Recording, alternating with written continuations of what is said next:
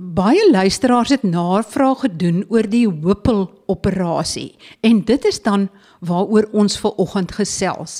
Ek is in die spreekkamer van Dr Stefan Hofmeyer. Hy's verbonde aan die afdeling chirurgie by die geneeskunde fakulteit van die Universiteit van Stellenbosch en ook by die Tygerberg Hospitaal. Dr Hofmeyer, Hoe sal jy die Hopel operasie beskryf? Ek het so klein bietjie navorsing gedoen en ek het gesien dat daar nogal baie snywerk gedoen moet word as hierdie operasie gedoen word. Vertel ons 'n bietjie meer. Goeiemôre Marie en dankie vir die geleentheid en ook welkom aan jou luisteraars.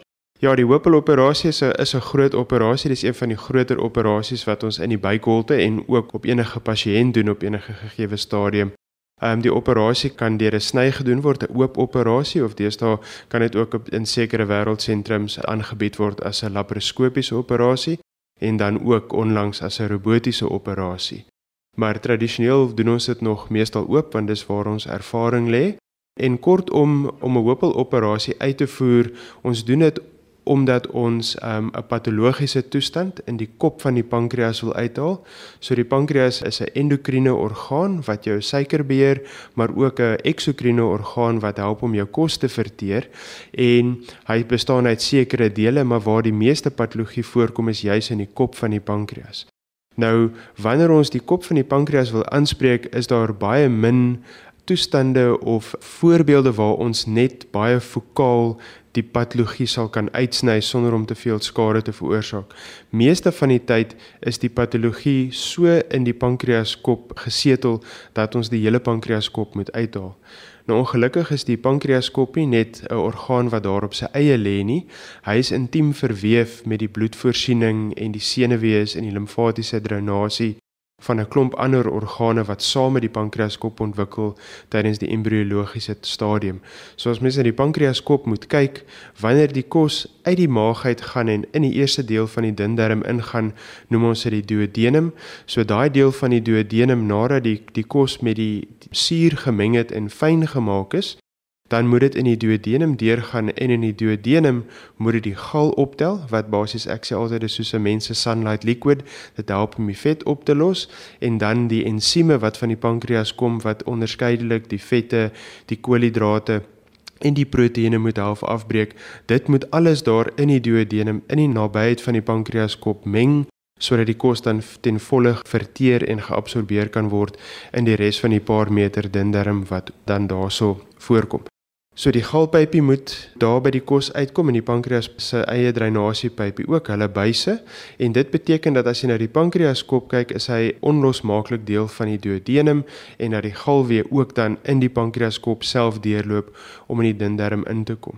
So wanneer ons die pankreaskop wil verwyder, haal ons dit uit saam met die duodenum en die eerste omtrent 20 cm van die dindarm. Die galblaas kom saam, die galpypies kom saam, al die limfnodes van daardie area. Partykeer sluit ons die laaste stukkie van die maag ook in en dan kom dit alles as een blok weefsel uit want al daardie dele deel eintlik bloedvoorsiening, bloeddreinasie, senuweevoorsiening en limfatiese dreinasie en dit is die begin van die operasie. So ons noem dan die operasie eintlik 'n pancreaticoduodenectomy, want dit verwys dan na die feit dat ons die pankreas en die duodenum saam uithaal, maar daardie ander dele kom dan saam. So wanneer ons dit dan nou alles uitgehaal het, kan jy jou voorstel dat hierdie blok weefsel dan nou daar weg is. Daar lê 'n klomp bloedvate wat nou skoon gemaak is van limfkliere, maar daar lê dan basies 'n stukkie pankreas, 'n afgesnyde galpypie en 'n afgesnyde maag en hulle moet weer almal dan aan mekaar gewerk word na die tyd. So in die operasie is die risiko dat jy om verskriklike groot bloedvate opereer want die uit die aorta uit die hoofslagaar wat aan die agterkant van die buik afloop daar kom die pankreas se bloedvoorsiening via ander groot um, arteries of slagare wat mens die superior mesenteriese arterie en die gemeene hepatiese arterie noem en hulle moet die hele pankreaskop moet baie stadig mooi van dit afgedissekteer word en ook van die groot are wat al jou bloed van jou darm eers terugvat na jou lewer toe om gesuiwer te word. So dit loop alles daar agter die pankreaskop verby en ons moet dit baie mooi dissekteer. So in die operasie kan jy bloei van daardie areas af. Maar na die operasie het die operasie die risiko dat die laste wat ons maak kan lek. En dit is waaraan meeste pasiënte na die tyd sal komplikasies kry, is wanneer die dun darm wat er nou daaronder is, moet ons gaan vaswerk aan elkeen van die organe wat ons dan afgesny het. So ons gaan werk dit vas teen die pankreas, ons gaan werk die darm vas teen die galpypie en ons gaan werk dit ook dan teen die maag of die oorblywende stukkie dun darm net na die maag vas. So daar's drie laste, elkeen van hulle kan lek, maar die een wat die meeste lek is die ene wat tussen die pankreas en tussen die dun darm gemaak word. So jy kan jouself voorstel dat die pankreas is 'n baie sagte orgaan. Hy's amper soos tissuepapier waarin jy moet steke insit en dan moet jy nou die darm teen dit vastrek sodat die pankreas sap wat dan so gevaarlik is omdat dit juis goeders wil verteer moet dan mooi in die darm ingaan en om daai las styf genoeg te maak sonder om die steke te laat uitskeer dis nogal die kuns van pankreas chirurgie jy weet en dis hoekom ons graag wil hê dat wanneer ons aan die pankreas opereer en sulke groot operasies doen moet mens dit laat doen deur iemand wat gereeld daai tipe van laste en tipe van operasies doen as jy nou die dele van die organe uitgesny het. Daar waar jy die dun darm afsny en daar waar jy hom weer moet las, moet jy dit dan optrek of is dit naby aan mekaar? Moet jy skuif aan die binnegoed om dit weer bymekaar uit te kry? Ja, met so groot operasie het ons eintlik nou baie spasie gemaak vir die darm om te kom lê, maar die dun darm lê gewoonlik in die onderbuik en ons moet dit nou na die bobuik toe bring waar dit vasgewerk kan word teen hierdie bobuik organe wat ons afgesny het. Die dindarm is lekker mobiel, so ons bring gewoonlik waar ons daai lissie nou verdeel het, trek ons dan agter die kolon verby, laat hy lekker gemaklik lê onder daai area van die lewer en dan vou ons hom so amper soos 'n hokkiestok dat die een punt mooi teen die pankreas lê, die ander puntjie 15 cm verder dan teen die galpypie en wanneer ons daai twee laste gemaak het naby mekaar, die darm wat dan nou deur die kolon onder toe loop, dan trek ons weer 'n klein lus daarvan op oor die kolon om dan bo teen die maag vas te werk. Laat alles mooi sekwensieel weer meng en bymekaar kom sodat mens die natuurlike vertering weer, jy weet, so natuurlik as moontlik kan laat plaasvind. Ek verstaan die pankreas is 'n baie moeilike orgaan om chirurgies mee te werk. Dit is sag en ek het ook al gehoor selfs met pankreasoorplantings dat jy moet baie baie sagte hande hê want anders te vat jy amper deur die pankreas. So dit is net ervare chirurge wat eintlik enigsins kan werk waar pankreas ter sprake kom. Vertel ons 'n bietjie meer daarvan. Hoe voel die pankreas in vergelyking met die lewer of met ander organe? Daar's 'n hele spektrum van hoe die pankreas kan kan voel tydens 'n operasie en dit hang baie af van die tipe patologie waarvoor ons sou opereer. As mens 'n kanker in jou pankreas kop het, dan maak die pankreas natuurlik stroom op van waar die pankreas nog funksioneer baie ensieme wat hy dan eintlik na die darm toe wil stuur, maar nou is daar 'n tumor of 'n weet of 'n kanker of 'n gewas wat maak dat hierdie sap nie kan dreineer nie. Nou verkeer die res van die pankreas stroom op boontoe in die rivier raak dan nou eintlik onderdruk en hy en hy reageer eintlik deur baie hard te raak en die buise swel as as dit ware op. So wanneer ons vir pankreaskanker opereer is dit eintlik nogal lekker want die pankreas het baie hard geword en die het groot geraak en dan kan mens eintlik die steke nogal bietjie meer sinvol insit en die las wat jy tussen die darm en daai uiteindelike buis maak is dan eintlik groter wat beteken dit dreineer beter. Wanneer mens vir ander probleme soos 'n galpypiekanker opereer of as iemand byvoorbeeld geskiet is deur die pankreas en ons moet die pankreas kop uithaal en 'n hoopel vir 'n trauma operasie doen, dan is die pankreas ongelooflik sag en die buisie wat dreineer wat ons nou eintlik teen moet vaswerk is dan miskien 2 of 3 mm groot. Dan is die pankreas baie sag. So dit is uiters belangrik dat wanneer ons die operasie doen, dat ons eintlik baie stadig opereer om daai area van die pankreas wat gaan oorbly sodat ons hom so min as moontlik hanteer, min as moontlik seermaak, baie min hitte, jy weet, aan dit blootstel en dat ons ook um seker maak dat sy bloedvoorsiening baie mooi gepreserveer word en al die pad tot by die rand van die pankreas bly waar ons oorlos want as jy steekies moet insit wil jy dit deur gesonde weefsel insit wat die vermoë het om vas te groei teen wat ook al jy dit teen vaswerk. Jy het nou gepraat van stroom op, maar ons praat van die kop van die pankreas wegsny. Wil jy vir my sê die kop is eintlik die stert? Ons nie sê ons stry daaroor nie, maar daar daar is iets soos as mens nou van voor af na 'n pasiënt sal kyk dan die kant wat jou horlosie mos nou is is die linkerkant en teen die linkerkant sal mens nou sê dit is waar die stert van die pankreas saam met die milt sit. En eintlik moet die moet die sap van die stert af afloop na die kop toe om om uiteindelik in die duodenum ingestort te word wanneer mens nou eet. So die stert is eintlik wat ons noem die linker pankreas en dit is stroom op. Dit loop dan in die pankreasbuis af deur die kop en dan onder kom hy uiteindelik uit. Ja. So dit is miskien 'n bietjie andersom, maar dit is maar hoe ons, jy weet, hoe ons elke dag daaroor dink.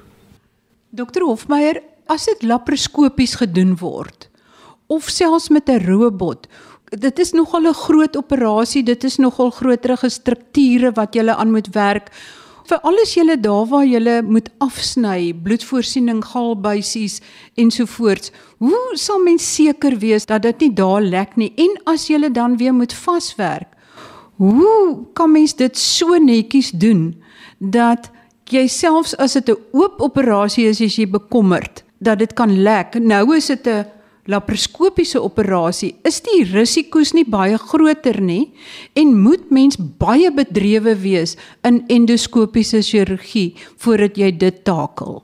Dis 'n baie goeie vraag. Ek dink jy weet ons almal het opgelei in in 'n era waar ons dit oop geopereer het en nog steeds ek doen ek doen my hoopel operasies altyd oop want dit is waar ek mees ervare daarin is en is ook baie effektief in terme van sinema nou van van koste en van operasietyd om dit op 'n oop manier te doen. Maar enige operasie het het 'n klomp stappe wat uitgevoer moet word. So 'n hoopel operasie sal sien maar omtrent 8 of 9 of 10. Mens kan dit afbreek in baie stappe en as mens in jou evolusie as 'n chirurg kan seker maak dat jy die nodige vaardighede aanleer om elke stap van daai operasie uit te voer, dan kan mense uiteindelik die operasie suksesvol laparoskopies doen. Daar's eenhede in Amerika wat al meer as 1000 sulke weet laparoskopiese hoopels in byvoorbeeld die Mayo Kliniek gedoen het en waar ten minste die helfte van hierdie operasies in groot internasionale sentra laparoskopies gedoen word. Natuurlik hoe meer ervare hulle raak, hoe vinniger raak die operasie. So vir my sal dit tipies 4 tot 6 ure vat om 'n hoopeloperasie oop te doen, maar vir 'n laparoskopiese chirurg wat begin, kan dit partykeer die eerste keer 12 tot 24 ure vat om 'n operasie uit te voer. So daar's 'n ongelooflike leerproses wat saam met dit gaan en eintlik moet jy voor die tyd voordat jy dit begin al al die kritieke elemente gesorg het dat jy dit dit kan uitvoer voordat jy die operasie aanpak. Maar die laparoskopiese operasie het 'n klomp stappe wat mens kan uitvoer en is heeltemal uitvoerbaar en so ek sal wil sien dat ons dit ook dan eendag roboties sal wil uitvoer by Tygerberg, maar dis 'n droom vir die toekoms en ons begin nou met ons robotiese ervaring nou eers by Tygerberg. Die voordele van laparoskopie is dat die pasiënt 'n kleiner sny het. Hoe groot die operasies binne die buik verander nie regtig of jy dit nou oop of laparoskopies doen nie. So as mens moet kyk na die voordele van laparoskopie is dat 'n pasiënt uiteindelik miskien 'n dag of twee vroeër huis toe gaan. Dit is op die oomblik as ek na die data kyk vir my die enigste groot verskil tussen 'n oop operasie en 'n laparoskopiese operasie. Maar hoe sal mense groot struktuur uitkry deur 'n klein gaatjie? Mes jy dit eers op en haal dit dan uit? Hoe hoe werk julle? 'n gaatjie waardeur 'n laparoskopiese poort ingesit word is tipies 12 mm groot vir die groter instrumente soos die kamera wat mens deursit of die staplers en dan vir die instrumente waarmee met jou hande werk is gewoonlik 'n 5 mm instrument. So ja, jy gaan nie 'n pankreaskanker wat sê net maar 4 cm is met sy omliggende darm en so sommer daar uitkry nie, maar wat mens doen is mens mens sit die orgaan wat jy uitgehaal het in 'n in 'n baie sterk plastiek sakkie en dan trek jy hom by een van die areas waar jy 12 mm poort gemaak het, kan jy die snytjie basies deur dit net 1 of 2 cm groter te maak en dan oop te rek, kan mens gewoonlik dit uitkry deur 'n bietjie, jy weet, na die een kant en die ander kant toe te trek. Of wat ons doen is partykeer dan, jy weet, waar mens gewoonlik vir 'n vroue keisersnit sal doen, ons noem dit 'n funnenstiel sny, sal mens 'n 4 cm sny op die velvou maak um, in die onderbuik wat dan heeltemal weggesteek sal wees na die tyd. En die voordeel daarvan is dan dat die sny wat jy maak is verder weg van die ribbes af en hoe verder 'n sny van die ribbes af hoe, hoe gemakliker sal 'n pasiënt na die tyd uit die bed uit klim en asemhaal. Dokter Hofmeyer, na die operasie, hoe gou is die een mobiel en moet hy enige ekstra medikasie neem of wat gebeur dan? Wat is die herstelproses en wat is die sukses van die operasie? So dit is 'n operasie waar daar heelwat komplikasies kan plaasvind. As mens na die na die data kyk wat gepubliseer word, is daar tot omtrent 3 uit 10 pasiënte wat soos ons sê major komplikasies sal kry soos longontsteking of trombose of lekkasie van die laste of um wondinfeksies um na die tyd. Omdat jy met sulke gevaarlike organe werk soos gal en pankreassap as dit loskom in die buik kan dit tot baie komplikasies lei. Maar as mens moet kyk na die sterftesyfer van 'n operasie soos soos hierdie een wat hoë risiko is sal daar omtrent tussen 3 en 5% van pasiënte na 'n operasie sterf as gevolg van komplikasies in die eerste 90 dae. Baie goeie eenhede kan dit afkom tot by 1% maar die norm is seker hier iewers 3 en 5% vir vir hierdie tipe van operasie. Nou tipies met so 'n operasie sal mens na die tyd in die intensiewe sorgeenheid of in die hoë sorgeenheid gaan lê met partykeer 'n epidurale um, narkose wat saam met dit gegaan het om na die tyd vir jou pynverligting te kry.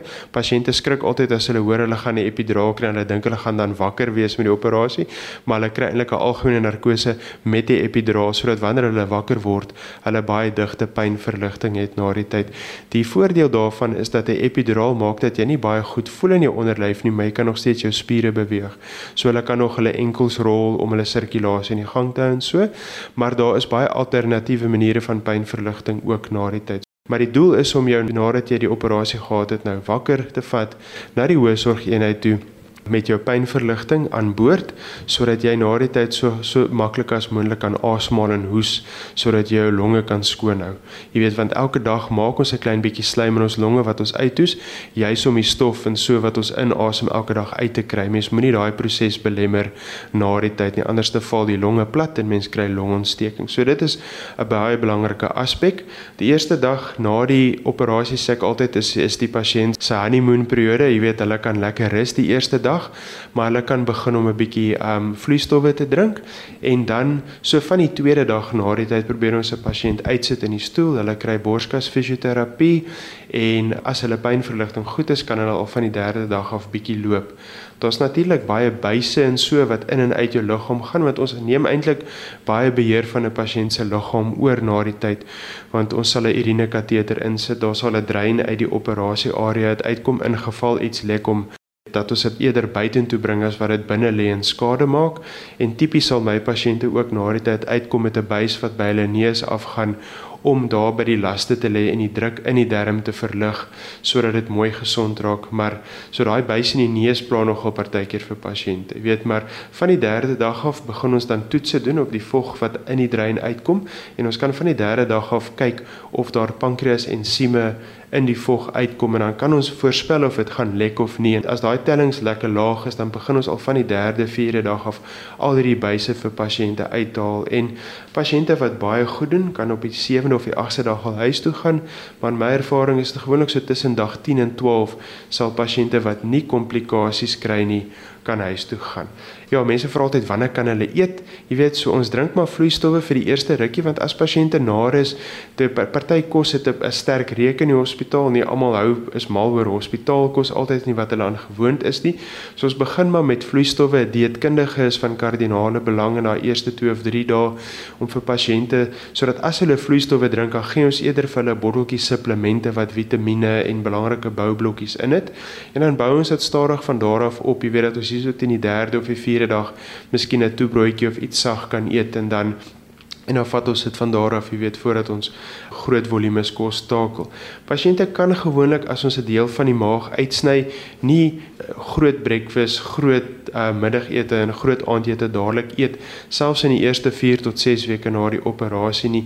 Dit vat so rukkie vir die maag om weer te leer hoe om lekker te ontspan en om homself leeg te maak want hy maak nou na heeltemal 'n nuwe plek toe leeg. Ek sê altyd die maag het nou al sy maatjies verloor.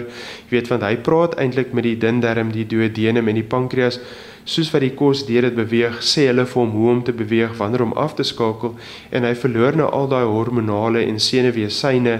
So hy hy lê daar alleen en hy leer nou wie om te beweeg op sy eie na die tyd en hoe om met die res van die darm te praat. En daai proses kan 'n paar maande vat voordat hulle heeltemal nou weer kan aansit vir 'n lekker vol aandete. By party pasiënte ook, jy weet, as hulle byvoorbeeld nou pankreaskanker gehad het en daai stroom op pankreas was baie onder druk, dan sien ons ook dat die pankreas eintlik verklein en atrofieer. So daar's partykeer 'n risiko dat pasiënte suiker siekte na die tyd kan kry, maar daar's ook 'n risiko dat daai bietjie pankreas wat oor is, baie min ensieme uiteindelik op die kos kan sit en seker omtrent 60 tot 70% van pasiënte sal na 'n hoopeloperasie uiteindelik verdien om op pankreas ensiem vervanging te wees. Dis 'n is 'n middel wat ehm um, gesuiwer word uit pankreas van byvoorbeeld, jy weet, geslagte diere wat dan gesuiwer word en in 'n kapsule gesit word en dan word daai pankreas ensieme tipies saam met jou groot maaltye geneem sodat jy die vet en die ander stowwe in die voedsel kan ehm um, goed kan absorbeer na die tyd. Anders te hou mens aan gewig verloor en en ander probleme kry. So dis iets om op die uitkyk te wees is dat as jy 'n hoopel operasie gehad het en jy kom agter dat jy nadat jy geëet het baie krampe kry, baie jou buik swaalf opswel, baie winde het onder toe en dat jy veral sien dat die dat die oop lyf bietjie bietjie anders lyk, jy weet dan moet mens praat met jou dokter oor moontlike pankreasensiem vervanging.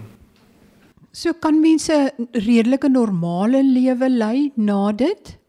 Ek dink mense kan verwag om baie naby aan 'n normale lewe weer te lewe na 'n hoopeloperasie. Die eerste maand of 2 het natuurlik te doen met 'n mens se mobiliteit weet jy het herstel van 'n baie groot operasie. Dit dit vat ongelooflik baie van jou energie, van jou spierreserwes, jy weet om terug te kom na die plek toe waar jy weer lekker in 'n kar klim en kan rondry of of goeders vir jouself begin doen. Dit vat dit vat natuurlik 'n rukkie.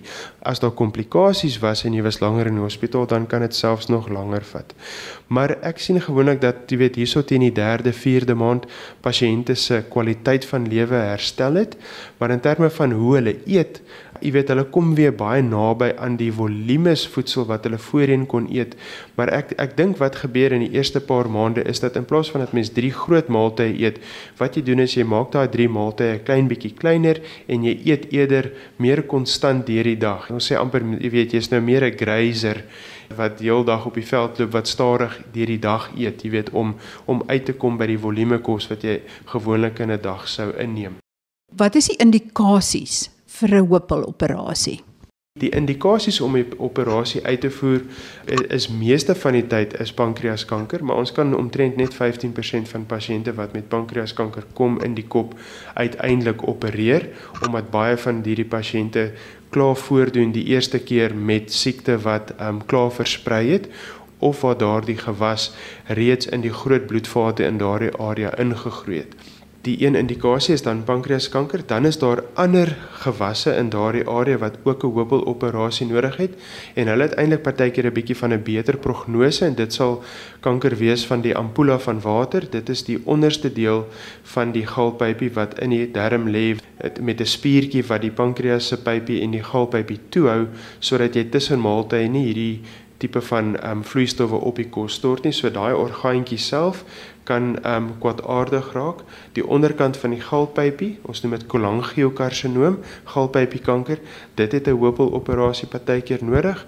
Ons sal 'n hoopeloperasie uitvoer vir mense wat ehm um, ekstensiewe trauma aan die pankreas kop gekry het na byvoorbeeld motorongelukke of wat gesteek is of wat geskiet word. Ongelukkig is dit nie 'n heeltemal ongehoorde um, indikasie in die Weskaap waar ons bly met al die moord en doodslag nie.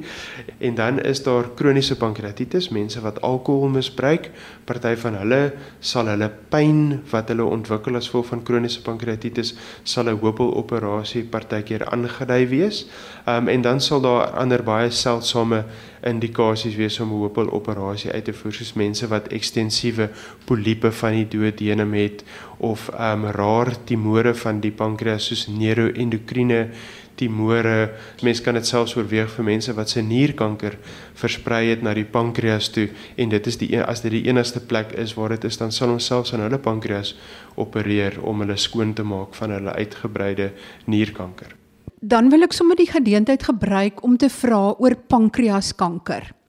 Is dit 'n tipe kanker waar daar al vooruitgang gemaak is?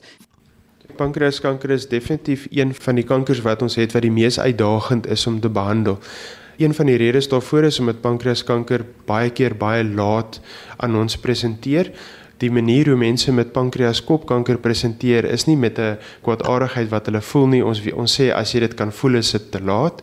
Maar wat gebeur is dat daai kanker druk uiteindelik die galpypie toe. Mense kom nie regtig agter dat hulle pankreaspypie so ver toe gedruk is nie, maar dit druk die galpypie toe en mense ontwikkel dadelik hierdie pynlose geelsig met ligte stoelgang, donker urine en hierdie goudgeel oë. En as jy oor die ouderdom van 60 met dit na ons toe kom, dan dan weet ons sommer al daar's 'n kwaadaardigheid wat ons moet gaan soek in daardie area. So dit vat 'n redelike groot tumor om daai tipe van obstruktiewe geelsig te veroorsaak. So dit is die laat voordoening daarvan wat so die prognose affekteer. Ek het al, jy weet, artikels gelees waar hulle sê daai tumor is eintlik al 7 jaar daar gewees voor die pasiënt ooit uh, met kliniese simptome na ons toe gekom het.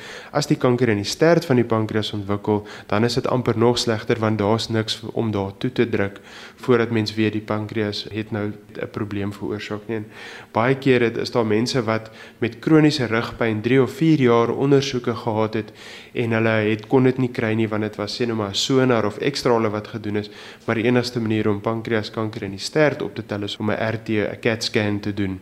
So as mense sit met bobuik ongemak en veral wat na die rug toe sprei en hulle het al 'n klomp ondersoeke gehad met die antwoorde is nie daar nie, dan moet hulle aandring op 'n RT skandering op 'n CAT scan om te gaan soek daarvoor. Baie dankie aan my gas vandag, Dr. Stefan Hofmeyer verbonde aan die afdeling chirurgie by die geneeskunde fakulteit van die Universiteit van Stellenbosch en die Tygerberg Hospitaal. Ons het vandag net geraak raak aan pankreaskanker, maar ons gaan binnekort meer volledig daaroor gesels. Tot volgende week dan. Baie groete van my, Marie Hudson.